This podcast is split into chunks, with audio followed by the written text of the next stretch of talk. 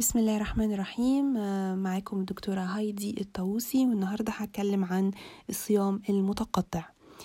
الصيام المتقطع زي ما كتير منكم سمعوا عنه هو بقى ترندي جدا مؤخرا وبقى في ناس كتير بتتكلم عنه وناس كتير حابة إنها تجربه وسمعنا كلنا عن فوائده الكتيرة. آه النهاردة هحاول كده أشرح لكم آه عشان نفهم مع بعض إيه هو الصيام المتقطع وإيه فوائده وإزاي نطبقه صح. آه بداية إيه هو الصيام المتقطع؟ إيه تعريفه للي ما سمعش عنه؟ آه هو آه من اسمه صيام. هو الامتناع عن الطعام لعدد ساعات معينة في اليوم آه وتناول الطعام في ساعات تانية أقل خلال اليوم.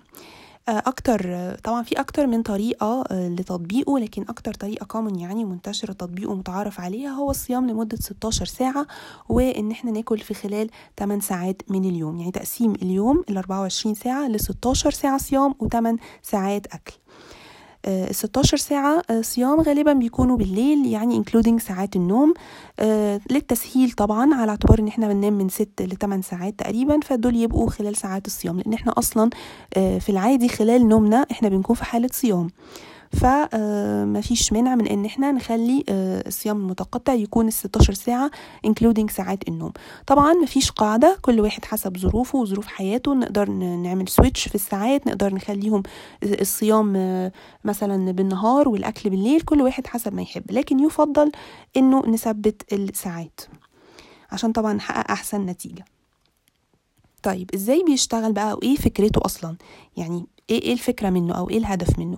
الصيام المتقطع بيشتغل على آه الهرمونات. هو بيعتمد على تظبيط مستوى الهرمونات في الجسم وباعتماده على آه يعني إنه لما نظبط مستوى الهرمونات نقلل هرمون معين ونزود هرمون تاني إحنا بالشكل ده هنحقق آه فقدان الوزن المطلوب. معلوش علاقة خالص بحساب السعرات. هو نظام تاني مختلف عن نظام حساب السعرات.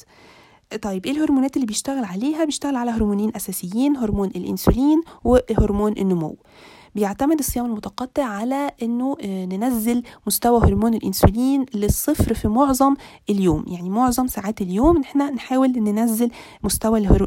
مستوى هرمون الإنسولين لأقل حاجة يعني تكاد تكون صفر. وفي المقابل لما ننزل مستوى هرمون الإنسولين هرمون النمو هيرتفع. طيب إيه فايدة إنه هرمون النمو يرتفع هرمون الإنسولين؟ يعني آه ينزل هل ده هيأثر إزاي يعني في فقدان الوزن؟ آه باختصار كده هرمون الإنسولين هو الهرمون المسؤول عن تخزين الدهون.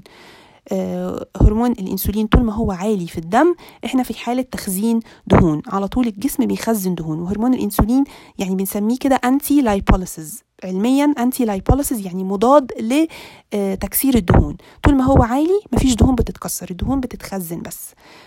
طول ما هو منخفض يبقى إحنا كده ممكن نبتدي نكسر في الدهون اللي متخزنة متراكمة في الجسم. هرمون النمو العكس هرمون النمو بيزود الحرق بيزود الكتلة العضلية بيزود نضارة البشرة يعني بيسموه هرمون الشباب. فكل ما هو مرتفع كل ما طول ما كان هرمون النمو مرتفع كل ما كنا إحنا في حالة كويسة وفي حالة حرق وحالتنا الصحية كويسة. طيب فوائده بقى إيه؟ يعني اللي الناس بتعمله يعني إيه الفوائد المرجوة منه؟ طبعا أهم فايدة وأول فايدة هي فقدان الوزن يعني مفيش حد بيعمل صيام متقطع إلا هو عايز يخس. بس الحقيقة هو ليه فوائد تانية أكتر بكتير من كده. آه علاج مقاومة الإنسولين من أهم فوائد الصيام المتقطع. زي ما إحنا عارفين إنه آه مقاومة الإنسولين سبب معظم آه إن ما كانش يعني كل المشاكل الصحية اللي الناس بتعاني منها والسبب الرئيسي للسمنة والسكر من النوع التاني. فالصيام المتقطع له دور فعال جدا ومهم في علاج مقاومة الإنسولين. كمان الصيام المتقطع بيقلل فرصة حدوث الالتهابات عموما لأنه ثبت يعني بالتجربة إنه الناس اللي عملت صيام متقطع لفترة لفترات طويلة اتعمل لهم تحليل دم ولاحظنا إنه معامل الالتهاب الالتهابات قل جدا عندهم يعني قابلية إن جسمهم يعمل التهابات قلت جدا على الصيام المتقطع. كمان بيجدد خلايا الجسم بصورة أحسن حاجة اسمها أوتوفاجي عملية اسمها أوتوفاجي بتحصل مع الصيام المتقطع طبعا مع الالتزام بيه وعمله بطريقة صحيحة. تقليل كمان فرصة حدوث أمراض الشيخوخة زي ألزهايمر بنسبة كبيرة. يعني قد يكون بيحمي أو بيقي من ألزهايمر. طيب إزاي بقى بيتعمل الصيام المتقطع؟ برضو علشان إيه نعرف الناس اللي ما عندهاش فكره خالص عنه بما انه صيام بس هو الحقيقة مش زي صيام آه، رمضان. هو مختلف شوية عن الصيام آه، آه، بتاع شهر رمضان. الصيام المتقطع خلال فترات الصيام خلال ال 16 ساعة دول هنفترض ان إحنا هنتبع نظام 8 ساعات و16 ساعة. خلال ال 16 ساعة مفيش أكل خالص تماما امتناع عن كل المأكولات أو المشروبات اللي فيها سعرات غذائية أو سكر أو لبن. لكن ممكن نشرب مية ممكن نشرب شاي بدون سكر قهوة بدون سكر وبدون بدون آه، حليب بدون لبن.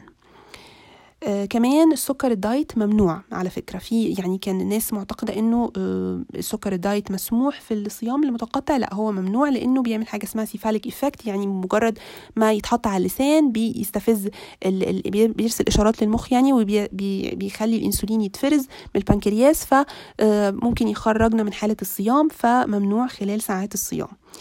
اللبن ممنوع ليه؟ لأن اللبن فيه سكر. آه، سكر اللاكتوز موجود في اللبن فبرضه بيرفع الإنسولين. فالمسموح مية وشاي بدون سكر وقهوة آه، بدون سكر أو لبن. في كمان مشروبات تانية مسموحة بس يعني في كلام حواليها. يعني ممكن الجنزبيل واليانسون. في في كلام إنه ممكن يعني برضو يرفعوا الإنسولين فمش متأكدة تماما من إن هم ما بيخرجوش من حالة الصيام فيستحسن نبعد عنهم. لو كنا عايزين نطبق الصيام المتقطع بطريقة آه، صحيحة ومظبوطة علشان نحقق النتائج آه، هايلة منه. طيب خلال ساعات الأكل بقى دلوقتي آه، أنا خلاص التزمت خلال ساعات الصيام 16 ساعة دلوقتي جه وقت بقى إن أنا آكل. ناكل إزاي بقى؟ ده السؤال المهم والخطأ اللي الناس آه، معظمها بتقع فيه وبتشتكي إنه الصيام المتقطع ما, بي ما يعني ما بيجيبش نتيجة معاهم وما بيخسوش عليه. الحقيقة في مشكلة في حاجة الناس يعني أعتقد إنه معظم اللي بيسمعني دلوقتي مش مش فاهمها وهي انه هو اسمه صيام متقطع علشان إحنا بنصوم كمان ما بين الوجبات.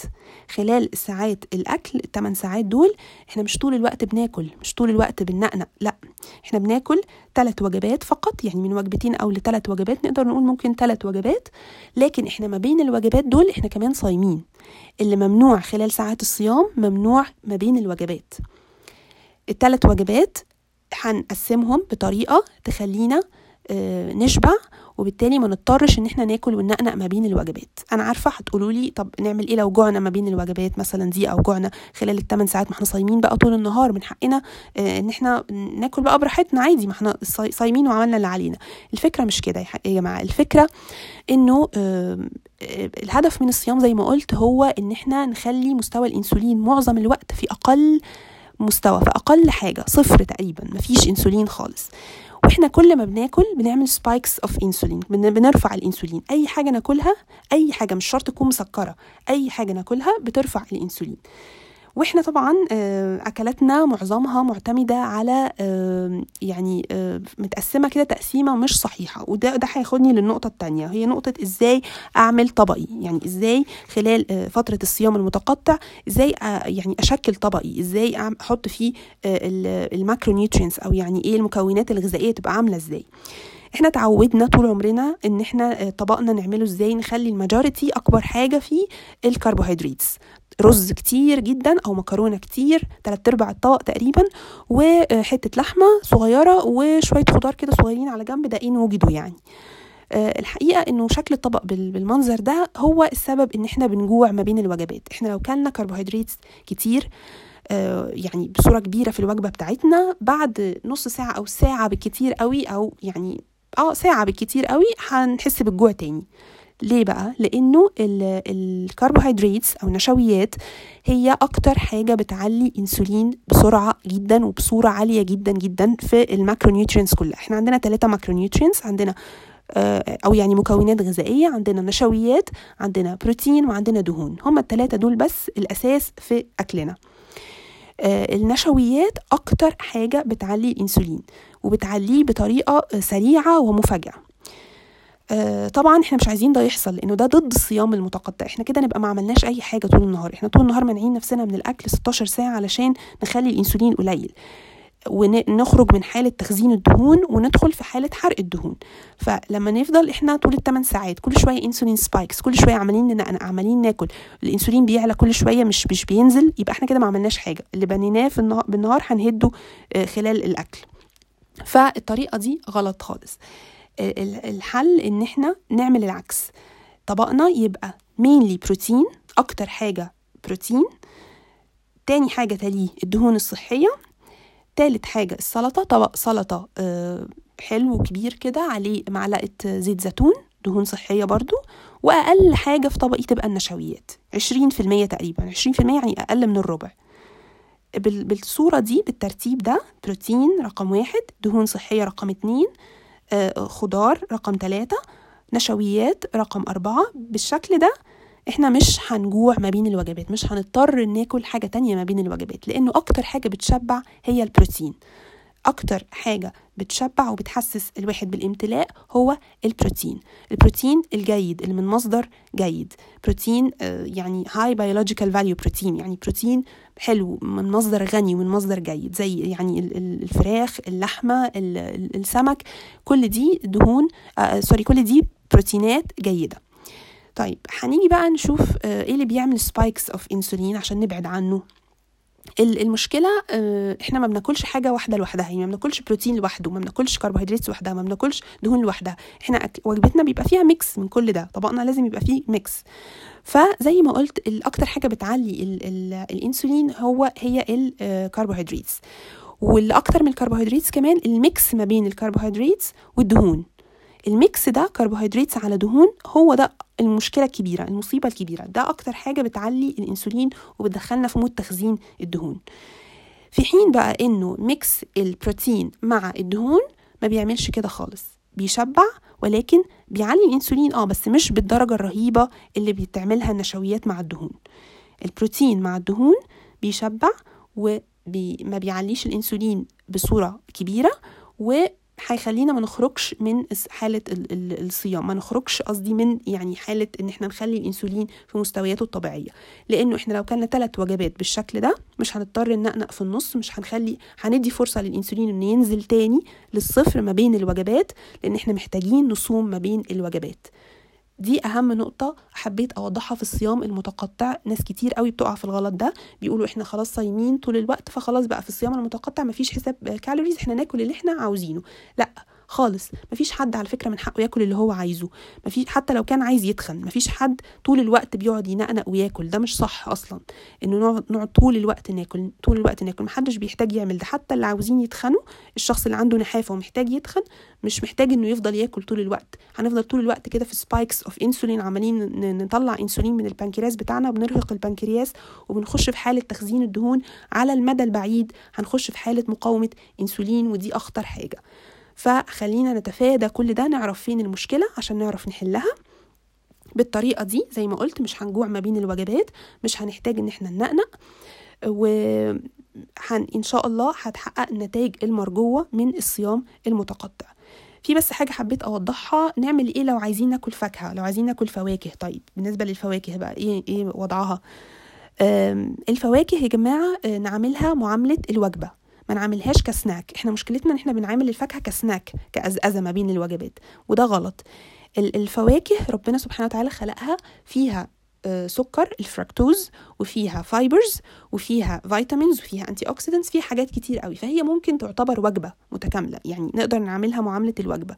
لو حابب تاكل فواكه وأنت بتعمل صيام متقطع أنصحك إن أنت تاكلها كوجبة يعني وجبة من ضمن الثلاث وجبات ما تاكلهاش كسناك ما بين الوجبات ابدا لأنها هترفع الإنسولين جامد ويستحسن ما تكونش آخر وجبة. يعني لو عايز تاكلها تاكلها كوجبة وما تكونش دي آخر وجبة تكون مثلا في النص ما بين الوجبتين الأولى والأخيرة. لأنه زي ما قلنا الفاكهة الفاكهة آه صحية وكويسة لكن الفاكهة فيها سكر. الفاكهة بتعلي بترفع برضو الإنسولين فما ناكلش فاكهة براحتنا. ناكل بالقدر المعقول ناكل ثمرة فاكهة أو ثمرتين بس فاكهة ومش كل يوم كمان ونعتبرها وجبة ما نعتبرهاش سناك ما بين الوجبات. طيب عشان ألخص بقى كل اللي قلته الصيام المتقطع نظام مفيد جدا جدا لعلاج آه، السمنة لعلاج مقاومة الأنسولين لعلاج السكر من النوع التاني وفعلا بيحقق نتائج هايلة ورائعة. بس نطبقه صح. نطبقه صح إزاي؟ إن إحنا نخلي آه، الوجبة بتاعتنا مينلي بروتين وبعدين دهون صحية وبعدين طبق سلطة وبعدين نشويات أقل حاجة عشرين في المية ما تزيدش عن عشرين في المية. ما ننقنقش بين الوجبات نصوم ما بين الوجبات. اللي ممنوع خلال ساعات الصيام ممنوع ما بين الوجبات. والفواكه نعملها معاملة الوجبة. ما نعتبرهاش snacks وما ننقنقش ما بين الوجبات.